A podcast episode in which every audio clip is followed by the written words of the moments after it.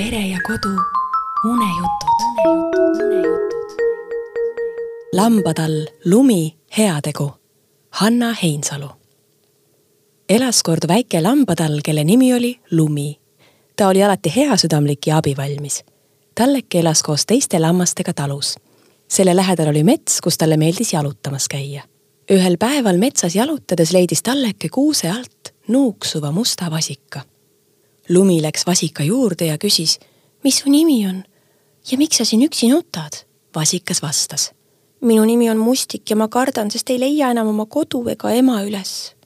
talleke uuris Mustikult. kuidas sa oma talu ära kaotasid? kas sa ei tea, et oma talust ei tohi kaugele minna? vasikas hakkas seletama, mis oli juhtunud.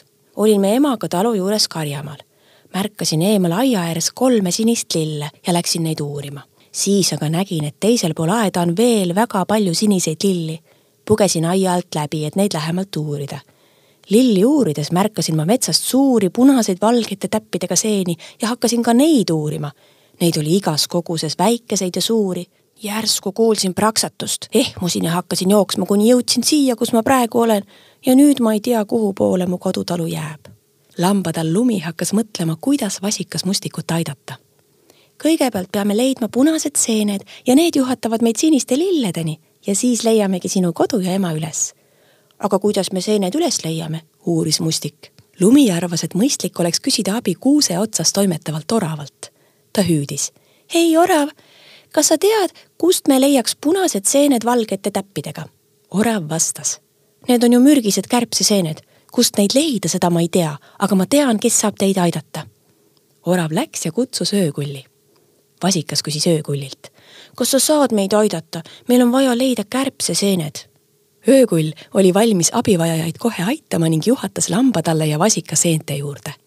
lumi ja mustik tänasid öökulli. nüüd me peame minema seente järele, kuni leiame sinised lilled. Nad hakkasid kõndima ja mets jäigi aina hõredamaks. varsti märkasid nad siniseid lilli ja aeda vasikas oli väga rõõmus ja jooksis kohe aiani ning puges oma karjamaale, kus ootas teda mures ema. vasikas tuli koos emaga veel korra tagasi aia juurde, et tänada lambatalle. vasika ema andis lambatallele tüki juustu mustiku aitamise eest. lambuke hakkas oma talu poole kõndima ja mõtles. ei ole midagi paremat, kui teha head ja teisi aidata, sest tehes head, saad head vastu.